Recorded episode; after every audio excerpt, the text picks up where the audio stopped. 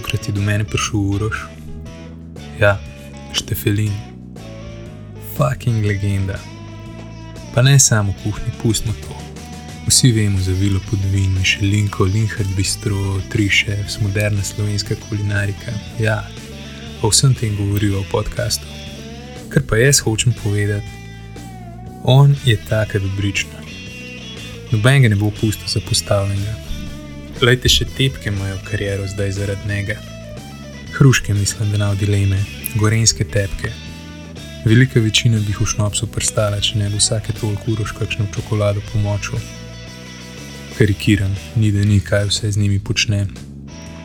Naj se zdi nepomembno, pozabljeno, eno mehko koščičasta hruška, če smo čisti iskreni. Ampak Uroš jo je vzel za svojo, postavil pod svoje kuhinjskih žarometov in plinskih štetilnikov, pod svoje okrilje in ji dal čiste nov pomen. Ravno tako je pa tudi do svojih sodelavcev, dobaviteljev, partnerjev, konkurentov, strank, gostov, do vseh. Zmer si bo vzel par minut zate, delil kakšno zgodbo in ti zgledom dal vedeti, kako je fajn delati tisto, kar imaš rad. Dokler še imate varianto, pokličite Uroša, naročite nekaj za jesti in če imate malo zegna, vam on skuha in hrano tudi dostav. Kasneje mislim, da tega ne bo več počel. Spremljajte Vilo Podvin, Bistro Linhart in Urošov oseben profil. Posod se dosti dogaja. Zgleda pa, da se bo dogajalo tudi na Fusionu. Če vam je podcast všeč in bi ga želeli podpreti, lahko donirate povsem poljuben znesek na povezavi v opisu. Hvala vam za posluh in za interes. Uroš Štefelin, uživajte, respekt.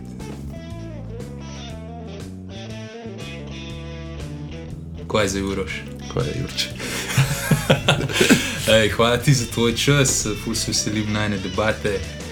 Uh, preden se v kakšne resne vode spustiva, moram vprašati, a si najdeš zdaj med korono kakšen frej dan, kaj čas za relaksacijo, za umiritev, da tempo za par klikov manjši ali je kar pogon na vse štiri še naprej. Ma, lej, če bi zdaj rekel, da je pogon na vse štiri naprej, tako kot je bil prej, se fej zlagal. No. Tako da, kot veš, smo čisto vsi smo zdaj uh, zelo, zelo na izi, vse se dela nekaj, ampak še zmeraj je pa to. Vem, 300% drugače kot prej, tega pesem. tempa. Ja. Dostopam. Uh, drugač si pa, si pa znan, da se mogoče zelo več stvarmi naenkrat ukvarjaš. Um, sploh že v prvem valu, recimo, ste bili med prvimi, ki ste se nekako reorganizirali z ekipo in šli tudi v razvoz, kar je mogoče zelo malo kont kontradiktorno za visoka kulinarika, pa razvoz. Povej, kako je šlo to? Je bilo težko, glede na to, da prej se s tem niste ukvarjali? Ma jaz bom tako povedal. Glede na to, da smo mi precej drugačna gostinska firma, kot so vse te druge po Sloveniji, upam stav, da vse te druge, uh, mi že tako delamo večplastno, kar se tiče našega uh, delovanja. Ker praktično pri nam ni samo to, da smo gostilna, ki se odpre, postreže goste in se zapre. Naša hiša je nekakšen center enih idej noter, pa enih dogodkov, kjer praktično mi izvajamo, ki včasih tudi niso čisto povezane z gostinstvom. Je, vse je nekako gostinstvo, turizem, ampak ni to tista klasična gostilna. Mi imamo toliko enih uh, eventov, toliko enih drugih projektov, ki jih zraven delajo, da nam je bila tudi ta, delamo, da nam je bila tudi ta prilagoditev nekako čist smiselna. Smo rekli, da zdaj se je zaprl, kaj bomo delali, pač dajmo. Ja, nisem, nis, nisem personala klele vklapljal, kar se tega razvoza tiče, to moram povedati, ker sva delala sama z Marcelo. Mhm. Uh, bistvo je pa bilo, da naj je bilo strah. In zato smo to takoj začeli delati in smo takrat prvo v Sloveniji, sploh v teh vrhunskih restauracijah, smo se spustili v en tak uh, mehen drugačen uh, del, ki je mrz kdo rekel, kaj je s tabo, da ima raj počipa, boš to, ampak jaz priznam, naj je bilo strah, kaj se bo zgodilo. Zato, ker niso vedela ne kaj, ne zakaj, ne dokdaj. In ko smo videli enkrat, uh, kam gre, bil še manj gotov. Zdaj ta drugi val je malo drugačen, ker veš, nehal se bo, cepil je na temu, na vidiku, ampak še zmeraj isto delamo, kar smo prej, ne tudi razvažamo, tudi marsikaj drugo delamo. Za v drugem valu sem opazil veliko je tudi teh tvojih kuharskih delavnic, ki si jih predstavil na, na net. Kako, Ja. kako, so odzivi na to? No, to so hudi odzivi, uh, moram kar povedati, ker uh, to je tako. Mi, meni je strast, isto, da mi kuhane strast, pa gostinstvo mi strast, ampak bolj kot vsa strast mi pa delati, bolj kot to mi pa delati druge stvari zraven, take, ki so malo drugačne. To se pravi, da se zmeraj nekaj novega spomniš. Mejhen bom uh, tak, uh, mogoče bom malo čuden se slišal, ampak meni je fajn, da naredim kakšno stvar, ki jo naredim prvi v Sloveniji. In, in teh stvari je bilo kar nekaj. In tudi te zoom delavnice uh, so prve, ki smo jih mi začeli v Sloveniji delati, prijele so se pa noro. In uh, moram jih povedati, da smo včeraj zvečer uh, speljali zoom delavnico za mislim, da je bilo ne 60 prijavljenih, uh, ker je en kongres uh, vsak let uh, na Bledu in je prven gala večerja in smo gala večerjo kuhali, tako da so jo po celem svetu kuhali udeleženci kongresa, ker oni so tudi pred Zuma imeli kongres in so gala večerjo naredili, tako da smo mi skupaj meni skuhali in so oni doma jedli in odzivi so bili bomba, res. Bravo, vse pohvale, ej, super je to slišati. Um, sigurno je pa tudi to res, pravi, da delaš, da delaš kaj drugega, si rekel. Ne klemaš res, recimo, veliko bolj proste roke kot šef. Um, kaj bo mogoče prej, ki si bil, ki si bil, ne vem, prva praksa, prva služba. Kako je šlo tem? A si takrat že ti razmišljal, jaz en dan hočem biti šef, jaz bom en dan mu restauracijo in hočem to furati. Kdaj se je začel pri tebi ta Ma, ljubezen do samega poklica? Ma tako, no, ta poklic, praktično v šolo sem šel zato, ker sem uh, nekako kar me je res vlekel ta poklic, mi je bilo zanimivo. Pač, se veš, mi smo klele s kmetovega, bled je bil za nas že tako en uh, tak, wow, ki smo prišli na bled, praktično smo se pelali, a se spelal klele 10 km do bleda, a smo se pelali do Portoroža, name je bil isti efekt. Pač sem v enem turističnem kraju in že misel na to, da bi jaz kuhal delal v enem takem kraju, mi je bila bomba, a ne tist, prav tist želja. Uh, po drugi strani pa, ko sem začel delati kot uh, praksa, pa to je en velik vpliv na me naredil, recimo en res pozitiven mentor, to je bil Silvestr Križaj, žal zdaj pokojni, ki mi Uvila Bled je bil on šef, jaz sem prišel k njemu na pripravniško in on mi je takrat pokazal, da se lahko dela v kulinariki še kaj drugega, ne pa tako po gostilnah ali pa tam, ki se je včasih res samo pekal šnicle pa pečenke in je bil tak en in isti ritem je bil in kle smo uvili res marsikaj drugega naredili. Potem je šla pa pot tako naprej, da sem malo menil uh, toplice, golf, uh, kakšne gostilne vmes, ampak še zmeraj na koncu, ki si ti star, ne 24, 23, 24, pač imaš željo biti nek šef kuhne. Če sem ambiciozen, imaš to željo biti. Uh, jaz sem takrat rekel, 26, sem bil šef kuhne v hotelu Astoria na Bledu. Ja, itak, uh, pa se je pa malo začel tako, ja, mu bi svojo gostilno, delo bi po svoje. Začel se je pa pravzaprav zaradi tega, ker se je kulinarika tudi fest razvijala. Kulinarika je začela iti naprej ne, in uh, vsi smo strmeli, uh, da bi delali na določenih lokacijah, kjer bi lahko praktično to svojo avtorsko kuhno udejanjil. Pa da, ne vem, hotel Astorija je pač hotel, ki so zvečer penzioni, ki tu ti ne moreš avtorske jedi kuhati. Bil je en, dva dogodka na let, pa še to je bil zelo omejen in sestavinami smo. Klemi pa je tudi, uh, mi men res uh, sem bil vesel, ko me je zdravko Rus povabil uh, v hotel Triglav, ki ga je na novo odprl in tam sem tudi praktično bil pa res jaz lahko tisti, ki sem povedal, kaj in kako bomo delali, kar se tiče kulinarike. In uh, tam sem se jaz tudi lahko udejanil, pa nekako za- se postavil na zemljevid Slovenije. No, v teh štirih letih so, so zaznali, da se nekaj drugega dela. Takrat je bilo vse v povoju, takrat je Marko Pavčnik začel, Igor Jagodic je začel drugače, Bina je začel drugače.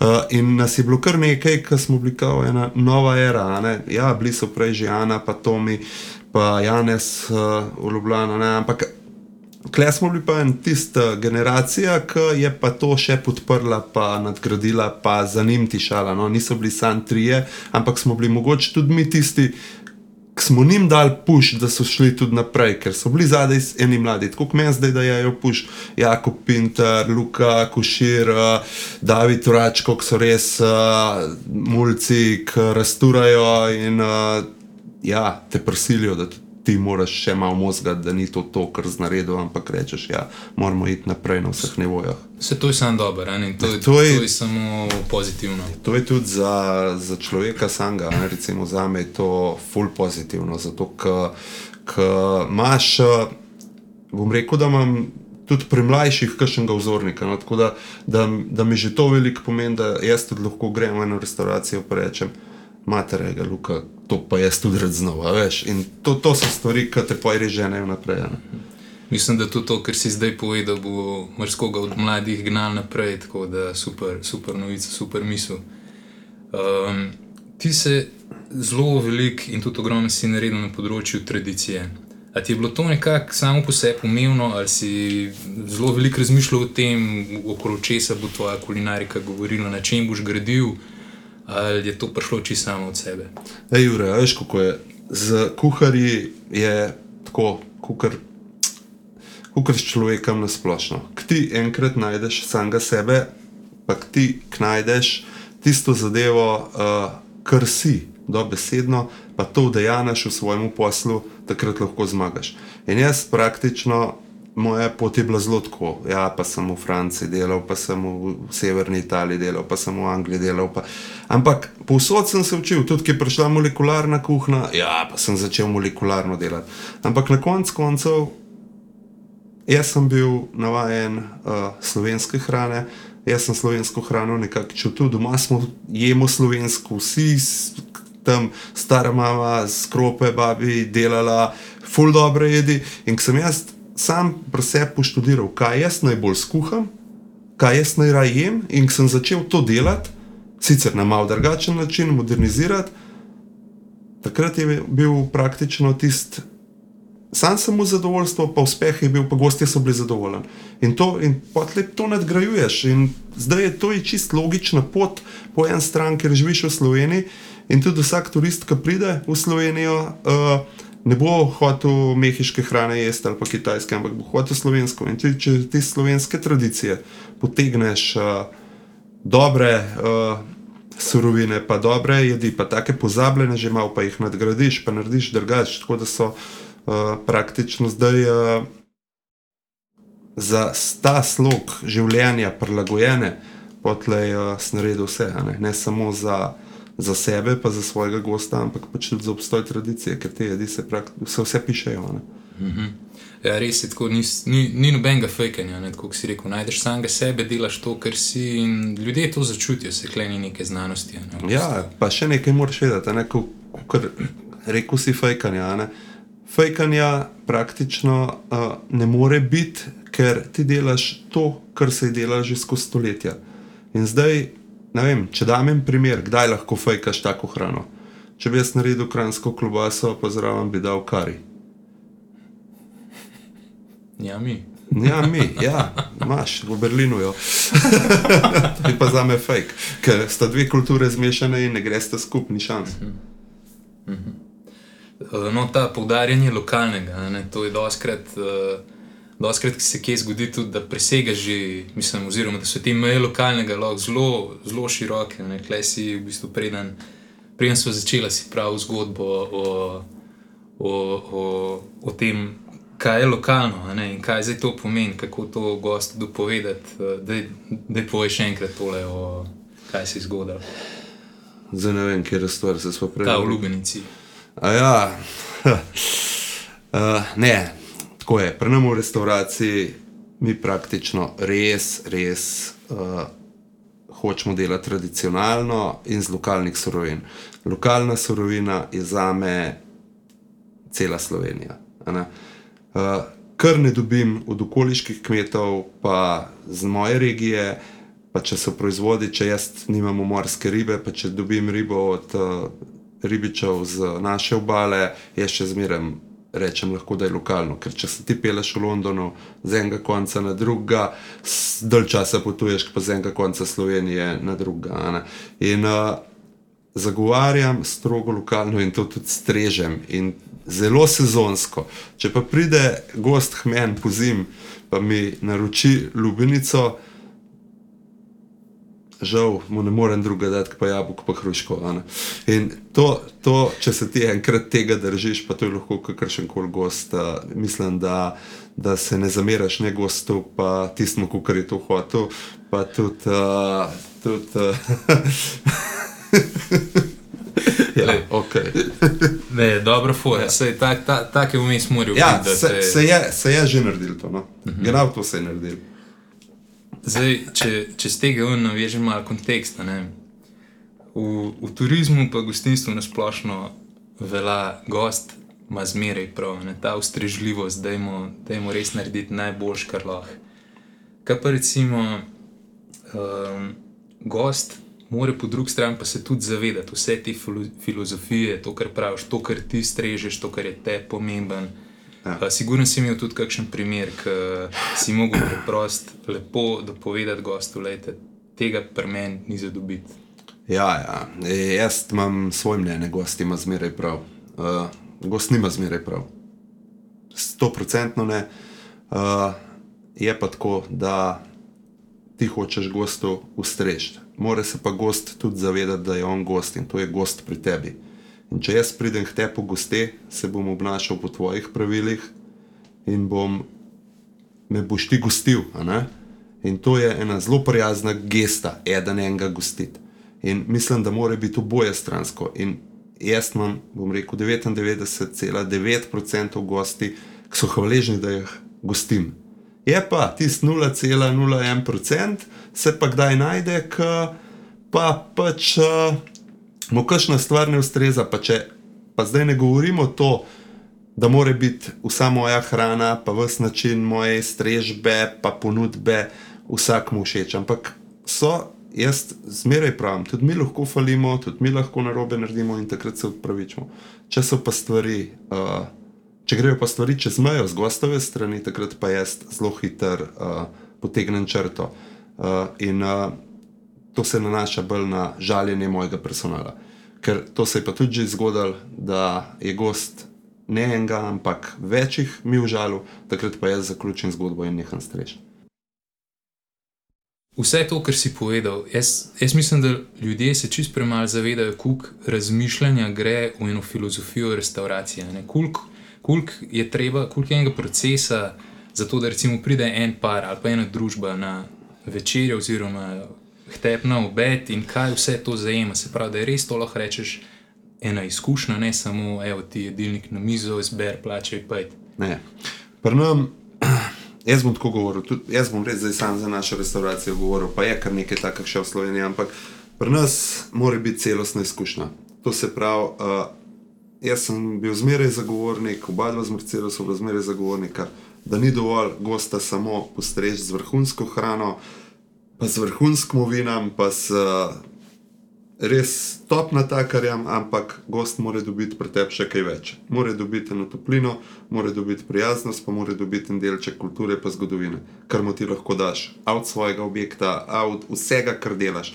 In uh, pri nam mora biti večerja dogodek.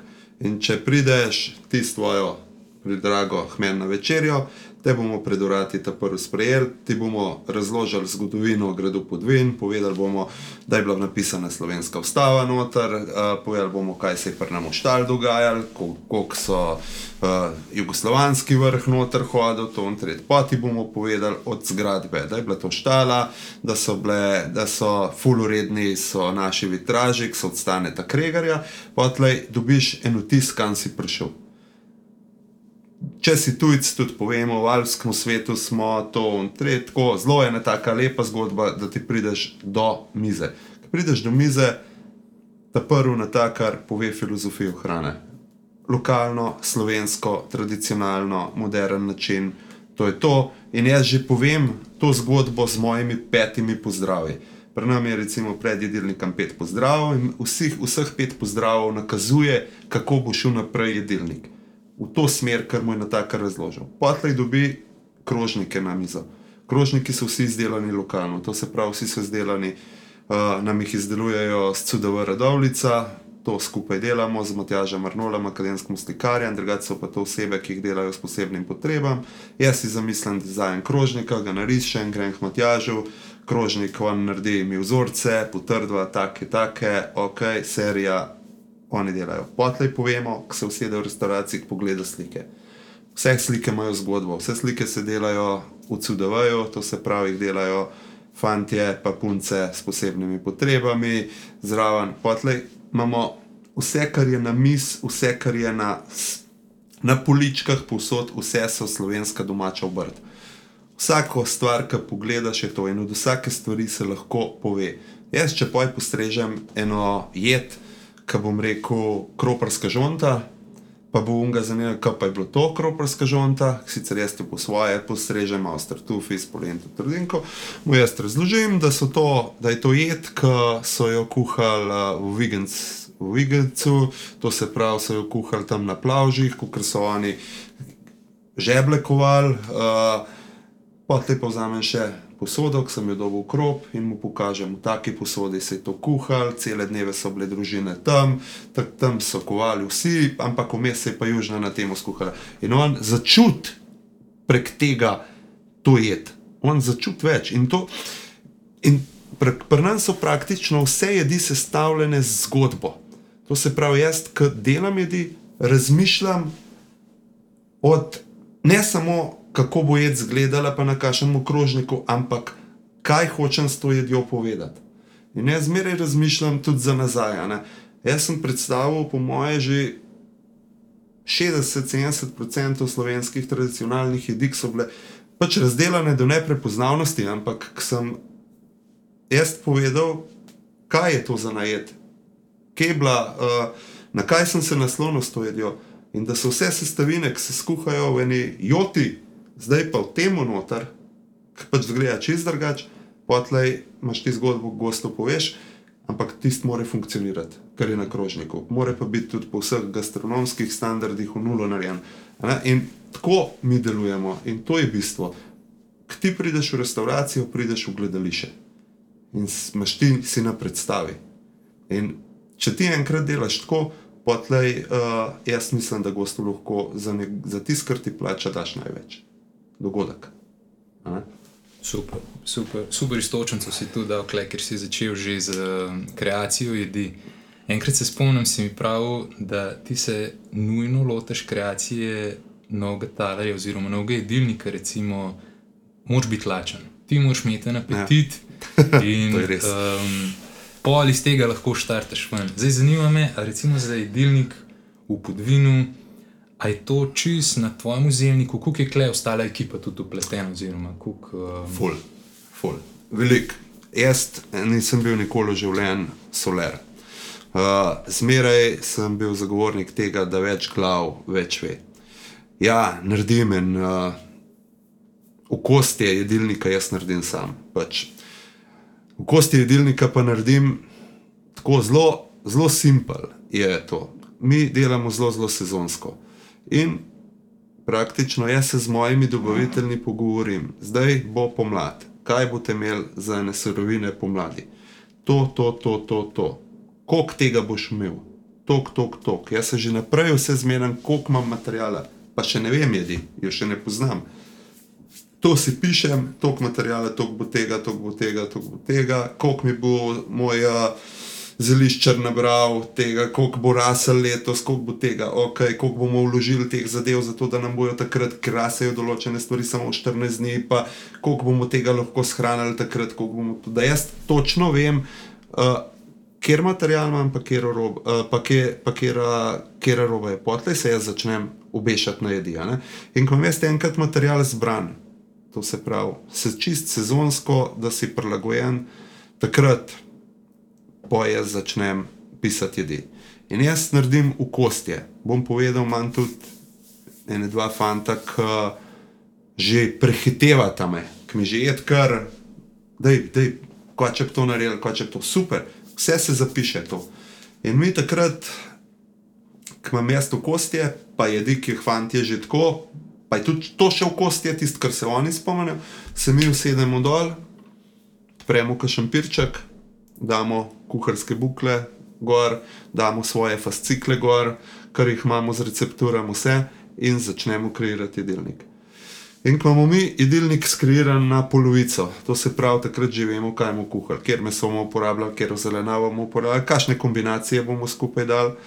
Takrat mi za en dan, dva dni prekinemo in delamo star jedilnik naprej in to pustimo. In se še enkrat usedemo in ščistimo zadeve, ker takrat pridemo do tistega, kar smo želeli. Ker tist na prvo žogo ni nikoli dober. A? In ko imamo mi tisti približen, kar smo želeli, smo premetali zadeve, nek preč pobiramo, nek zraven dajemo, nek se jemo še nekaj utrnilo, a se imena, se Martino, a se Janezu, da vse glih. Ampak zraven dajemo, sestavimo, sestavimo jedilnik in začnemo kuhati. In ko imamo mi jedilnik kuhan, ga ta prvi, ga kuhamo zase, kuhamo jed jed, mi imamo tako ali tako devethodni jedilnik, to se pravi, devet jedi skuhamo plus pet pozdravov, pa dve sladice po sladici, pa dve sladice po sladici, ja, tako, tako imamo pa sorbetno. In k mi to jed pojedjo vmes, med delom, dajmo danes to, dajmo danes to, probavamo, malo napišemo, malo si v glavo spravimo, pa kaj že tam zamenjamo, pa testiramo, ja, to bo šlo, pok počrtano. In takrat, ko mi vse jedi poklukamo, mi jedilnik skuhamo cel, pred pripravo za cel jedilnik naredimo. Uh, Potlej pa jaz povabim uh, vso našo strežbo, pa par zunanjih mojih prijateljev. Zdaj, ta, zuna, ta, ta zadnji meni smo imeli uh, hudo zasedbo slovensko, smo imeli na testu Miro Semič z Gomilo Slovenija, smo imeli Valentina Bufolina, najboljšega somileja Slovenije, Damirja Salkiča, ki mi je moj full dober prijatelj, pa res je zmeraj zraven, ker uh, hočem, da svoja mnenja pove. In še par takih je bilo, ki so neodvisni in vsa naša strežba. In jih mi strežemo. In sprejemamo kritike, komentarje, ideje, poleg tega, da se takrat, ko se dela test menija, že zraven določijo vina, kjer bomo dali hed- hedem. Mi zmeraj damo več vin, več variant vin za vsakih jedi. Z- Zato, ker mi zelo bistvo zdaj je, recimo, eni so naravna vina, so zdaj moderna, pa tudi dobro so, tako da je tudi trend je in tudi. Uh, Mislim, da je to ena smer, ki gre tudi z našo filozofijo zelo lepo skupaj, plus konvencionalna vina, ki so pa tako je, je veliko, morajo biti, pa veliko je tudi ful dobrih. In, a, in mi zmeraj damo opcijo so naravnega vina in konvencionalnega, enega ali dva. In uh, takrat to sestavimo, zdaj ta zadnjo smo odprli, mislim, da smo odprli na testu 102, 103 flaše. Uh, samo za testirati, a ne, ker uh, mi je bilo zelo pomembno, da pridejo vina gor, moraš pa nekaj vedeti, te po eno, po dve flašami, vinarji takrat, ko imam test, uh, tako ali tako dajo sponzorsko, ker se vsakmu gre, da bi prišel na naše delovne liste. ne, ker je hvala Bogu, pač smo dosegli s tem časom, kar smo delovali, res za en tak renome, da si to lahko prvošimo in da je tudi vsakmu vinarju čas, da je v naši kleti, če ga pa ti še ekstra ponuja zraven določene jedi, je pa tudi za njega izplen velik, ker pa nam se vina res ogromno proda. In tako pridemo do končnega menija, potlej pa gremo z glavo na zabavo, na goste. Uh, to, kar si zdaj pravi, ta jedilnik, to je to, kar nas čaka. Zdaj, po nekem odprtju, to je 2021 ali Ne, jaz mislim, da ne, ker uh, ta jedilnik je bil narejen jesen zima. Jaz mislim, da prej bomo mi odprli, če bomo odprli zdaj januarja, februarja, bomo že določili. Januarja bomo še tega dali. Uh, mi smo ga naredili ta zadnji dan, smo ga, ko so nas zaprli. To je bil zadnji dan. Vsi smo upali, da do tega ne bo prišlo, en dan smo še delali, potem so nas zaprli. Uh, glede na to, kakšen test je bil, je bil tudi uh, čisto redo dan za zaprtje. Ja, ne bi rekel, za me ne. ne, ampak je pa tako, je pa tako da ne, ne ta jedilnik, siguran bomo delali druga. Ampak eh, ne bo več šel v sezono. Se pravi, v enem letu, koliko se jih zamenja? V enem letu se zamenja štirje celi, plus uh, vsak, med vsakim jedilnikom, med vsako sezono, potlej med vsakim kvartalom ga jaz pomenim vsaj pol, ker pride nova surovina, določene zmanjka in potlej jedilnik ustane in se jed pojedijo mena, da pridemo spet, recimo, če imamo zimskega zdaj sestavljenega, bi jaz mogoče tam februarja ali pa konc januarja menil ena, dve, tri jedi, odvisen, uh, kje sestavine nam zmanjka, kle lokalne, pa kaj mi kaj drug ponudnoga. Zelo veliko jedi zamenjamo polet, ker polet se sezona tako hitro, se vse dogaja, da mi škoda določeno surovino spustiti, da jo ne bi dal na jedilnik in uh, potlej menam jedi. In takrat uh, bom tako rekel, no, ustanejo tisti favoriti, menaš jedi, ki so mogoče gostom še full cool, pa jaz se jih pa že včasih kakšnih tudi prenasitam. No. Si z mislimi že v drugem ja, času. Ja, pa ne v drugem letnem času, že med letnim časom. Tok surovina enkrat pride, ki bi jih rad pokazal, pa predstavil teh lokalnih, da, da mene žene, pa bi lahko šel s tistimi jedmi, ker gosti se ponavljajo, ja, določeni se ti, to so tvoji stalni gosti, ampak ti gosti naši stalni pridejo k nam zaradi nas. In tudi če dobijo dvakrat isti jedilnik, jih ne motane. Seveda, se, če ja. se vrnejo, zakaj se vrnejo. Ja, itak je. Ja. Um, če sem prej lepo seštel, mislim, da si naštel 16 tejsterjev, oziroma pozdravov jedi na jedilnik. Kako pa imaš s tem znotraj jedilnika, pol prilagajanje različnim dietam? Ja, ja itak mi se prilagajamo vse, ker pač danes je to že, uh, že mus, po domač povedan, čisto. In imamo zadaj pripravljenih, za vsak jedilnik imamo pripravljenih vsaj 4 do 5 jedi, fiksnih, narejenih, uh, ki so veganske. To se pravi, za vegane mi lahko to skuhamo 4-5 hodni jedilnik, lahko tudi 6-7, odvisno kaj nam je uh, tisti dan uh, na zalogi, če so gobe, če to pač. To daš zraven, poleg tistih dodelanih jedi, uh, malo drugače postaviš, skombiniraš. Drugače pa drugih diet pa pri nam praktično ni velik, zato ker mi že v osnovi uh, kuhamo vse brez glutena. To se pravi, pri nam je gluten samo tam, kjer se vidi, to se pravi v kruhu po testeninah, v nobenih umakah, v nobenih kremah, nič.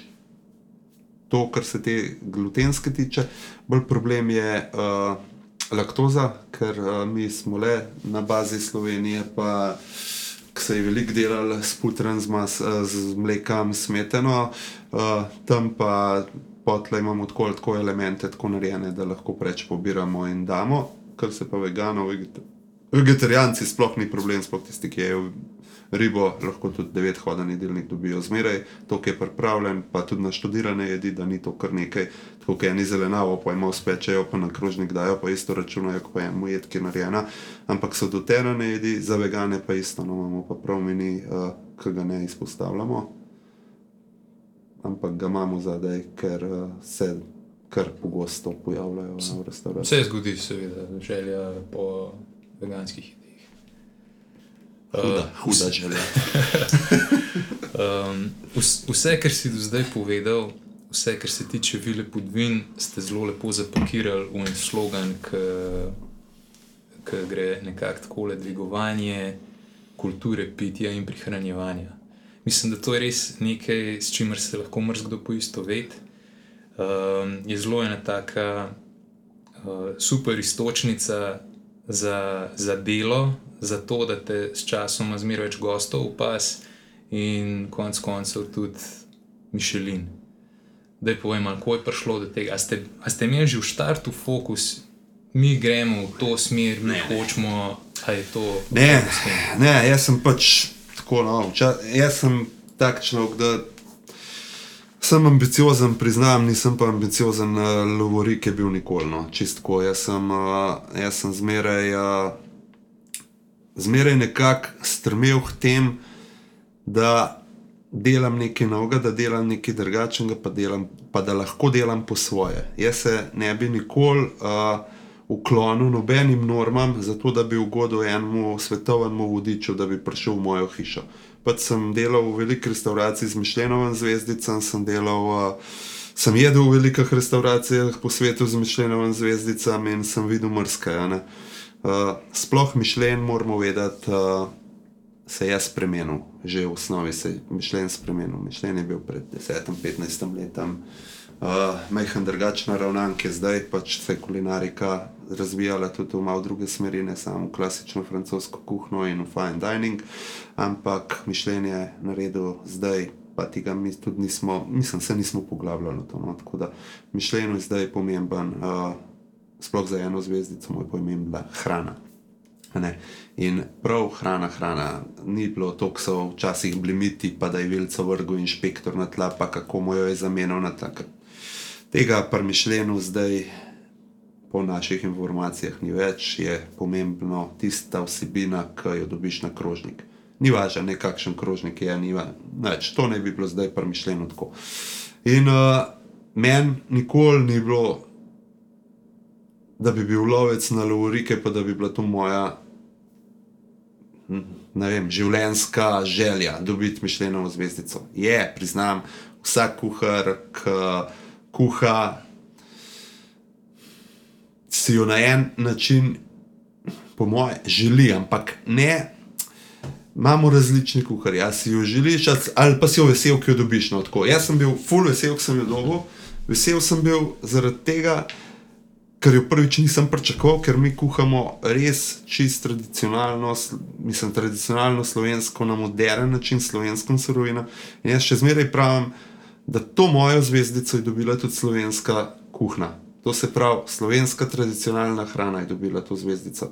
In uh, ker okusi, ki smo jih mi dali na krožnik, so bili slovenski, so bili čist naši.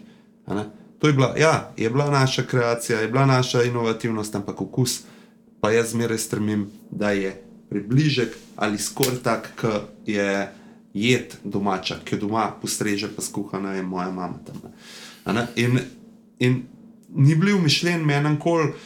Tisti, uroš, moraš ga imeti. Ne bi bil čist nič razočaran tam, tudi če ga ne bi dolgo. No, priznam, bil sem pa presenečen, pa full, full vesel. Sigurno si ponosen na, na vse, da ste to dosegli. Ja, ponosen sem na svojo ekipo, Noaro, ki je funkcionirala, že par let funkcionira, res je nulo, res lahko. Uh, samo vesel, da s takimi fanti delaš. Itak na Marcelo, nas je, ki smo dala. Uh, Ne vem, veliko stvari čez, pa veliko stvari uh, smo se lotili tako zelo, zelo na glavo, pa so, pa so tako prtišali, da so nam ratale. Uh, Ampak uh, tako je, lej, delamo fajst in če delaš, je poj na koncu tudi uspeh. To je ena super potrditev in ti povem, da je bil tudi širši krok, tudi izven tvoje ekipe. Ljudje so bili prav veseli, no. vsaj tako sem jaz začutil. Ja, jaz sem tega ful začutil, tukaj sem bil ful presenečen. To je bil pa druga stvar tega odziva, uh, res močnega odziva, pa ne samo gostov, ampak tudi prijateljev, pa tudi konkurence, gostinske, pa vse praktično sploh ta gorenski konc pokusi Radolca so si vzeli za svojo, kar je edino prav. Mi imamo mišljenko in to, in to je bilo meni več ureden, kot pa tista zvezdica gor na vratah sama po sebi. Tako. Zdaj te moram nekaj trapezga vprašati, ne? ampak, ampak a te, a, te, a te kdo zdaj kliče Uroš Mišelin? Ne, nobeden, Jure. Ne, sej, respekt vsem štefelinom, vse je da best, ampak kuk pa to sedi, uroš mišljen, to, to je bilo namenjeno. uroš mišljen iz vile pod vin. da best. Um, da mi povej zdaj še kaj, podvin so zdaj kar obdelala, no? Kle, zdaj bo počas prije na vrstu Linhart, bistro. Ja. Daj povem, zgodba kle v Linhartu. Tako je, no, Linhart je pa ena tista zadeva, ki pa, je pa pojnadgradnja vsega, kar delaš ne, v življenju. Pač najprej vzameš restauracijo, najem, delaš v tisti restauraciji, jo prepeleš do tistega nivoja, ki praktično naprej več ne gre ali pa gre zelo težko.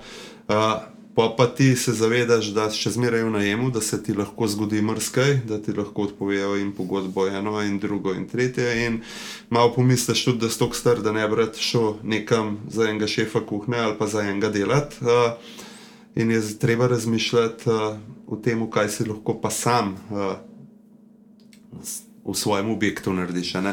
In mi, da smo se, mi, da smo ta prvi hotel kupiti, bilo podvin, nam jo niso hoteli prodati ker uh, so se najdel že eni kupci za kompletno, za grad pa za vilo. Uh, ne vem, kaj je zdaj s tem, zgleda, da nič, ampak uh, mi smo zelo lepo vso to ponudili za tiste, so bili presenečeni.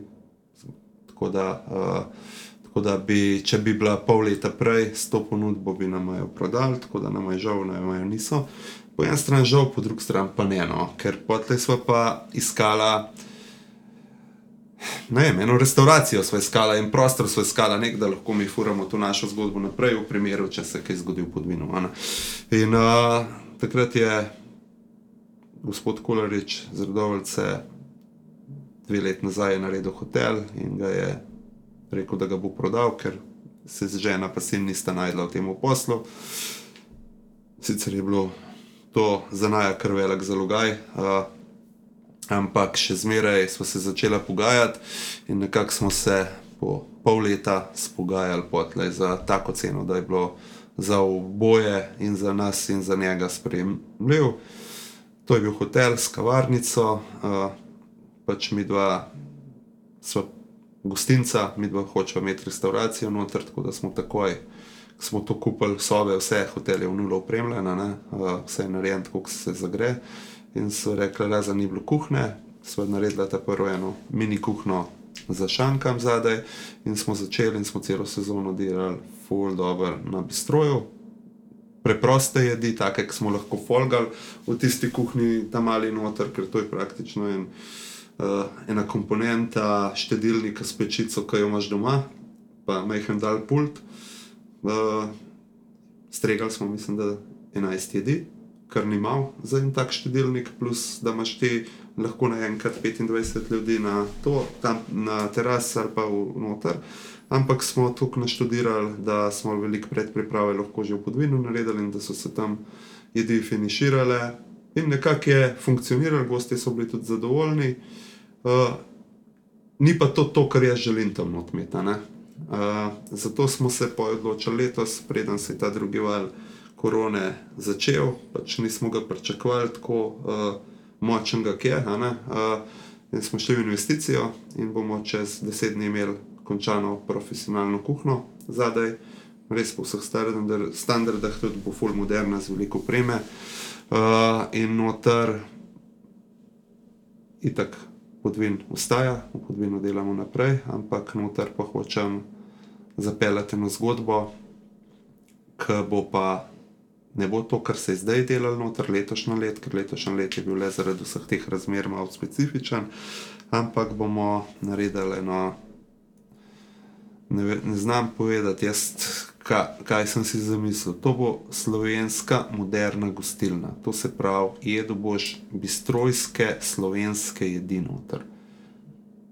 Ampak na okusah, na temu narejene v nulo drugač bo, kot so gostilne, drugač bo, kot so bistroji, bo to slovenska, moderna gostilna, ki bo imela preproste jedi, ampak še zmeraj nadgrajene s tistim določenim tehnikam, ki jih pač, hvala Bogu, mi znamo, pa naša ekipa. Se pravi, če primerjava sam s podvinom, to ne bo na bazi večhodnega jedilnika, ti boš lahko prišel tja na en krožnik. In, uh, ja, ti boš lahko prišel tja na, na, vem, na eno, eno dobro šunko v testu za začetek, pa, pa potlej boš pojedel en krožnik vam po, po moje, pa, pa to je to, pa kozarc dobrega vina bo spil. Spravljen hrtu ste zdaj res na svojem, tako da tudi če se karkoli v podvinu zgodi, kot si pravi. Ja, je eno izhodišče, kjer se praktično lahko pele zgodba naprej, oziroma tako zapele, kot si zdaj. Po svoje se zapele zgodba. Tudi jaz sam sebe poznam, da bom težko šel z tega fine dininga čist ven. Tudi če bi enkrat se zgodilo v podvinu, da bi jaz mogel iti z podvina, bom vsaj dva večera na teden namenil tudi fine diningu. No, tako da pač naša kuhna ostaja zdaj si toliko omenil, fine dining, uh, koliko je to hvaležno, oziroma se pravi, stremiš tudi bolj k čem drugem, ni nujno, da je to samo ta visoka kulinarika. Ne, zdaj ne vem, kaj se hoče vprašati, ampak fine dining, uh, fine dining je danes ratala, ni, ni več uh, gosja jedra, pa kapasante. Njih to hočeš reči, ja. da je zelo, zelo zahtevno, zelo pač. Ja. Danes, danes je veliko bolj cenjena kuhna tista, ki dela z materijala, ki je uh, zelo, zelo pocen, lahko pa da ti svojo idejo, pa s kreativnostjo narediš fantastično jed. To se pravi, uh, če jaz lahko za ne tepke, pa za enega ješprenja naredim top jed, je lahko ta jed tudi veliko boljša na okusu, kot pa mrzkašna gosja jedra, narejena na vem na kakšen način. In to se danes cena. Ne? In fine dining je to, da ti delaš svojo uh, avtorsko kuhno na več hodih in na doživeti v restauraciji z različnimi vini. To je fajn dining. Mm -hmm. Ni mus, da je to zmeraj samo goveje file, gosja jedra, kapasanta, rakovica, rep jastoka, na, narabaš. Mm -hmm. narabaš. Sploh če ne pašeš v to okolje. Ja. Ja. Um, tvoja kulinarika, tvoja ideja, to vse je zelo dodelano, vse zelo izstopa. In tudi večkrat prej si že omenil uh, okusi radolce. Klep se zdaj rad navezal na to zdravo konkurenco, ki jo ti spodbujaš. Konkurenca, ki se povezuje, je lahko zelo močna, zelo uspešna na vseh krakih in na vseh korakih. Ja, seveda. Meni pa, moji poslovni partnerci Marceli, je zmeraj bilo bistvo povezovanje. Ampak res povezovanje. Nikoli se niso vala nobene konkurence ali pa da bi rekla, zdaj pa nam ti zraven vzeli za to, ker tam je kaj boljši kmetov. Zakaj? Ne bo, hvala Bogu. Ampak nama je bil v bistvu povezovanje. In že takrat, uh, ko smo bili mi v hotelu Triglav, ko smo mi da zmrceli v hotelu Triglav, Igor Jagodic je bil v Grand hotelu Toplice, bi ne volče, če prišel po promenadu. Promenado, ja, promenada ja. je bila ja, tista restauracija, dol, ki jo je prevzel za Andrejem Kuharjem. Uh, takrat smo se mi povezali, pa naredili svojo znamko Tri Chefs in mi trije smo praktično, mi trije smo kuhali drugače na bledu takrat. Ne? In mi trije smo se povezali in to je bilo za vse, wow, kar teli so skrbzaj. In mi trije smo naredili brand Tri Chefs in smo naredili od 14 večerov Tri Chefs smo naredili. To se pravi, mi smo kuhali sploh ne vem, koliko štiri leta, po moje, tri, štiri leta smo kuhali vsak let, trikrat v treh različnih restauracijah skupaj. To se pravi, vsake dve jedi delal in to so bili noro uspešni večeri, plus marketinško. Nas je Slovenija takrat nas vse tri spoznala, ker mi smo začeli delati drugače, mi smo bili povezani in smo v tem krogu fudijev, smo bili mi trije eno osvežitev za njih ker so trije smo se skupaj združili, vsak s svojim slogom, zelo, zelo prepoznaven slogom, smo skupaj kreirali večerje. In je, bilo, in je bilo tudi za nas tri praktično to ful, ful pomembno za naprej. Tudi bi naj dobil skozi to, uh, tri šef so njega povabili na gostilne išče šefa in tako je pojem naja povabil z, Binet, uh, z Igorjem, uh, da sva bila tam sodelovala tudi pri tej vdaji, ampak vse se je začelo takrat razvijati. No? In ko smo prišli mi v Rodolco, meni je bilo pa vse isto, ta prvi ok, ta prvi treba kmete dobiti, da imamo mi lokalen material. Pa smo kmete dovolj določeni, še niso imeli ne papirjev porihtanih, nič smo se tok cajta pregovarjali, pa tok smo se zmenili, da so si to vse zrihtali in da smo mi začeli z njimi kupovati, pa pa ti kmeti imajo dosti surovine. In smo tudi nekako se skozi to, poje smo rekli, da zdaj pa super bilo, da več gostincev od njih to kupovali. Plus tega, da se da marsikaj v regiji narediti, le gostilanje je full, a ne se je bilo na začetku tista, uh, kva pa te dva hodita za Eurodolce, vse nas je dosta. Uh, Uh, Jaz mislim, da se, ja. da se na splošno vsak ima svoj biznis, da se najprej ustraša. Ja, sam... zdaj, samo, ne, to bo samo za njih dobro, ampak v bistvu je pa nima smisla. Kontra, ne ima smisla dopovedati. Ja, in ne, recimo takrat, ko smo, smo, smo mi prišli po tej studi, najprej smo prišli v Podvin, so gostinci v Rodolju zbili, ja, pa kako ta tedva sem na bled, ne bo ta se gostilanje dosta v tre. Ampak po drugi strani smo pa mi začeli se povezovati med sabo, smo rekli, je bila ful tudi Nataša Miklova, kres turizma ona je bila velik podpornik tega in smo skupaj stopili, smo povabili gostince, smo se pogovarjali. In to je za en tok noro dober gibanje, ki da veliko ljudem, veliko našim gostom, plus da Redolco kot regijo uvršča ful dobro na kulinaričen zemljevid Slovenije. tudi z Bleda smo zdaj ta zadnja leta čutili veliko, veliko več obiska, zato ker so ljudje prišli praktično. Smislijo, ja, na bledu radolce, pa kar se zajesti, če se pa v radolce dogaja, ker nas je bilo ful. In je bilo, in je bilo za nas vse, je bil ne samo to, da smo nekaj od tega tudi zaslužili, ker smo tudi veliko vložili, to smo, vse gostilne, hvala Bogu. Ampak po drugi strani tudi ta energija, ki jo imamo skupno, pa ta druženja, pa to nas žene naprej. In jaz bom povedal, da je to, recimo, jaz zdaj veliko predavam tudi po Sloveniji, od tega združevanja, od kulinarike, od, tega, od vsega tega, kar smo mi naredili. Uh, jaz sem vesel, da imam take gostince v regiji, ki jih imam, ki res. Uh, hočejo iti naprej. In sem videl z vsakih okusov, vsak november, ko imamo okuse redolca, cel mesec, z vsakim novembrom ali vsak let se je kvaliteta dvigala, ker je ratala noter povezovanje, malo je ratal med sabo. Rivalstvo, kdo bo, pa ne rivalstvo slabo, ampak kdo bo kaj bolj ga naredil, kdo kaj bolj ga porušil. In bom povedal, po pravici, v parih kostilnah sem videl par takih krožnikov, ki bi jih z veseljem tudi jaz porabil dobrih idej, vse in potli vidiš, da je šlo vse skupaj naprej. Uh -huh.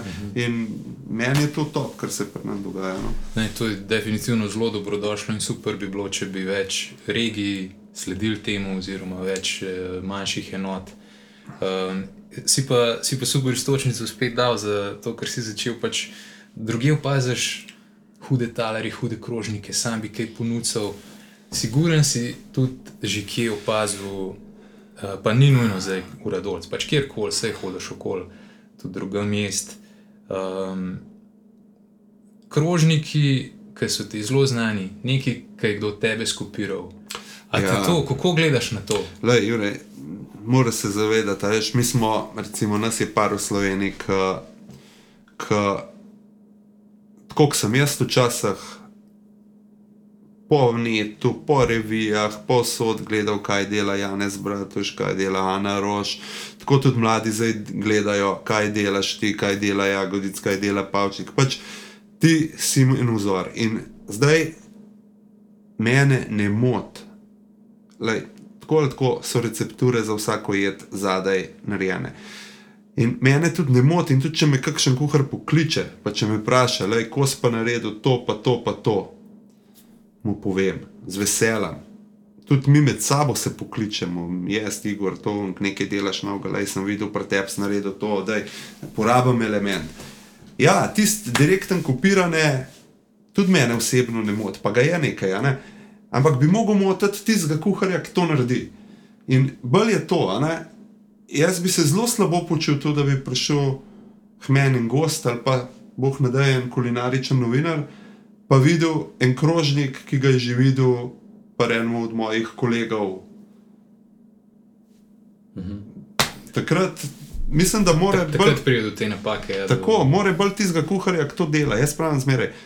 Vse skopirajte, vse se naučite, vse tehnike se naučite, sam probajte priti do, do svoje kombinacije okusov, pa do svojega, do svojega tistega jaza, to, kar sem na začetku mm -hmm. rekel, do svojega, kaj sem jaz in to, da je na krožnik. Takrat bo jed funkcionirala. Zdaj je pa, ja, in tako, kakšne stvari se pa skopirajo, pa tudi če se mi tako ali tako menamo, jedi, nam se zelo malo jedi, da bi se letno jedi ponavljali, se skoraj ne ali se ne. In uh, prnank jed uh, po tre, dveh, treh mesecih pospravimo v kot, je pač v fasciklu spravljena, mogoče za čez deset let ali pa ali pa za kol več. In takrat, ki je enkrat jed narejena, ja, če jo mislim, je pospravljena, mene ne motijo, ni več v naši restauraciji. Jaz mislim, da je to zelo dobra naravnanost. In eh, ja, tako smo že v startu govorili. V Sloveniji mislim, da je ogromen dobrih kuharjev. Zdaj, ampak ta razlika biti kuhar, pa biti šef, je pa marsikemu tako. Mislim, da je uh, zelo fajn imeti tako iskrene ljudi, ki rečejo, da jaz bom kuhar, jaz bom kle na svojem oddelku, prosim, ne mi ponujati pozicije šefa.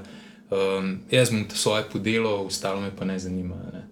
Mislim, to je, je, je nuja, ker tudi zdaj en šef ali pa en kuhar, da bi ti, jaz sem zmeraj rekel, da bi dobrega, zato ker imaš ti res dobrega, dobrega kuharja, da bi ti od njega zahteval, da je šef, ni, ni zdravo. Ker mogoče je dober kuhar, pa je tudi ta prav za šefa. Velikrat je pa, da je kuhar noro dober, ampak ni pa za vodstvo. Ne? ne more pa voditi, ne zna komunicirati, ne zna z ljudmi delati. Šef pač mora imeti, poleg tega, da zna kuhati, mora imeti še druge veščine, mora biti socialen, mora iti k ljudmi, mora se pogovarjati, mora biti. Uh, Pripravljen se z novinarji zgovarjati, mora tudi kakšno zadevo dol požreti, ki jo kuharju zadaj ni treba, pa jo lahko kuhar naredi. Pa. In ne smeš nikoli siliti enega takega temu. Imaš pa določene fante, ki jih pa že prej, ki jih pa začutiš, da so ta pravi. a ne. Sploh jaz vidim pri moji ekipi. Lahko je človek, ki je nepogrešljiv v kuhinji. Pa bi trpel, če bi ga dal za šefa. Imaš pa fanta, ki je noro dober v kuhinji, ampak ga tudi vidiš, da ja, lahko je šef. Lahko bo enkrat šef. Ja. Gre v bistvu res čez različne poklice. Ne?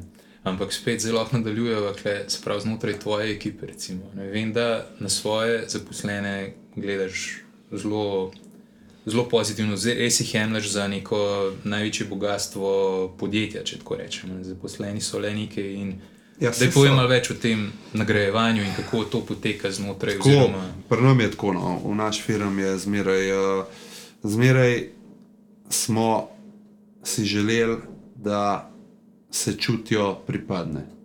Da tisti sodelavci tvoji, da so pripadni in se jim uh, praktično vsak, more, vsak pri nam dela, ve, da mora tisti svoj maksimum dati od sebe, takrat, ko je tam, da hočemo natančnost, da hočemo. Uh, da hočemo, da se dela tako, kot se zagreno, tako kot se zahteva.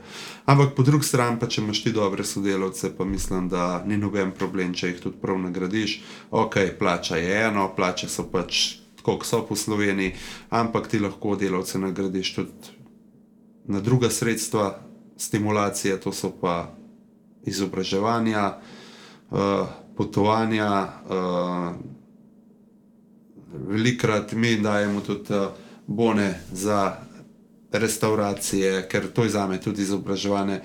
Pač uh, grejo pojesti nekam, pelejo ženo, ampak gre jesti v fine dining in to je super, da gre v fine dining in zato kom fine dining dela, da vidi. Da, in vse to se ti vrača, ja, jih pošiljamo na izobraževanje v tujino, tudi plačamo od aviona do spanja tam, do vsega, ampak to ti vse nazaj prinese. Po drugi strani uh, pa jaz mislim, da je to veliko več ureden, kot pa če bi mu 200 evrov več plačal.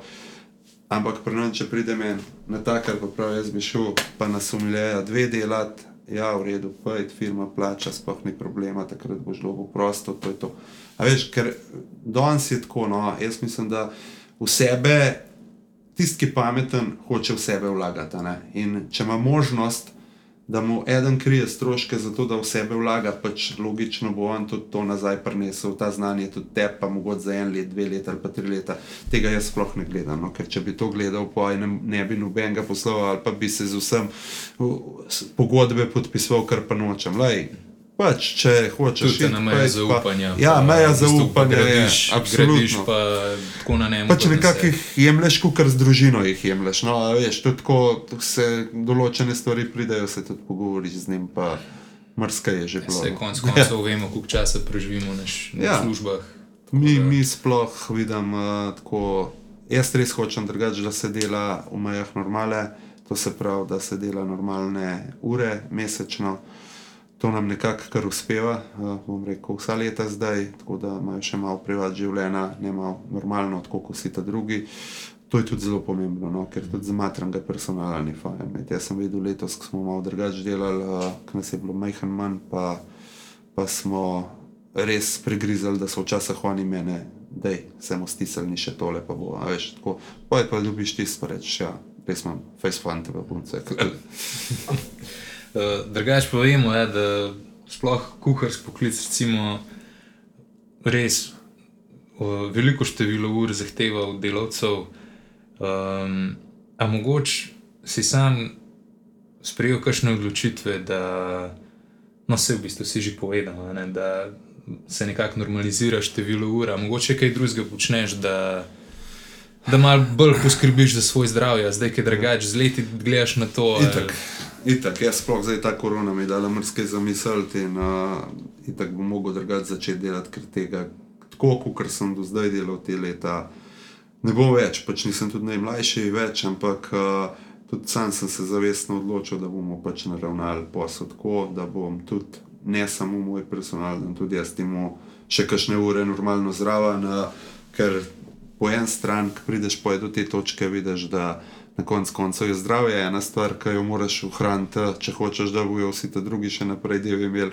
Uh, po drugi strani bi pa tudi reče kaj druga. Ja. Tako da, ja, ne, neč, na bicikl grem rad, to mi je top, pa malo hodati.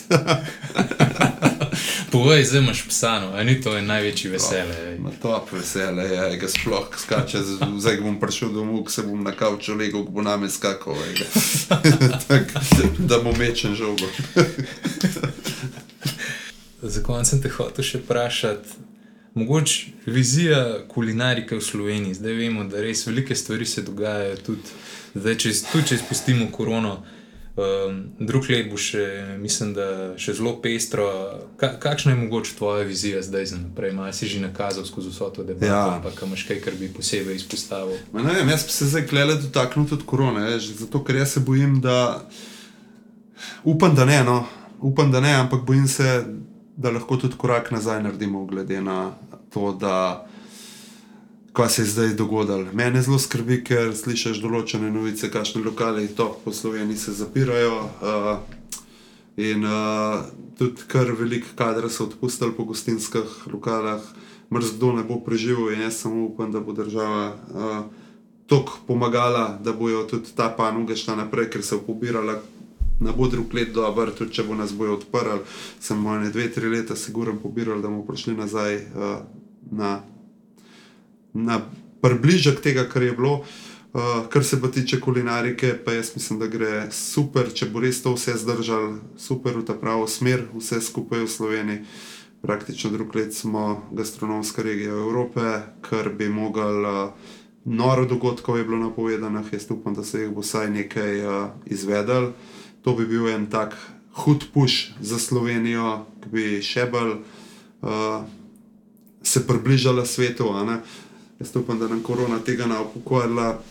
Drugač pa moramo se zavedati vsi skupaj, uh, tle ni pomen samo uh, nas kuharjev, tle je pomen, da smo mi kuhari lahko tisti, ki ohranimo mrskašnega kmeta, mrskašno polščino, mrskašno sestavino in uh, skozi naš delovanje lahko praktično preživi mrzkašna kmetija, ki so bili že ali pa so mislili upustiti, pa to samo moramo biti pa fair, vsi pošten plačati, pošten del. To je to. Super, uroš tole je bilo the best. Zdaj. Ne vem, kaj boš zrezal skozi. zelo izčrpno, zelo, zelo fajn vice, da imaš prakso. A ti je že kdo rekel, da je s tabo intervju, tako si te sam daš istočenco in stvari lahko. Ja, prehtevam jih, ja. ja Ker s toliko intervjujev naredim, da si točen, točen vem, kaj bi vnaprej vprašal. no, pa vse, ne, za finiš, a imaš morbiti še kakšno eno sklepno misel, nekaj, kar bi še čist koret ljudem, poslušalcem povedal. Ja, imam. Ja. Uh, zdaj nam je pokazal, uh, te cajti so nam pokazali mrskaj in uh, dajte doma zasaditi zelenjavo, dajte kupovati od lokalnih kmetov, uh, dajte podpreti slovenski turizem, pa slovensko gostinstvo, predvsem pa podprite slovenska kmeta. To je to. Uroš, bravo. Hvala ti in se slišmo naslednjič. Čim.